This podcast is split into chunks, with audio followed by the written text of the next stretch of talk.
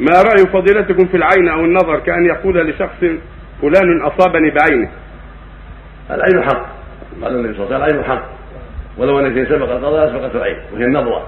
فإذا علم أو غلب على ظنه ان فلان نظره لا بأس يكون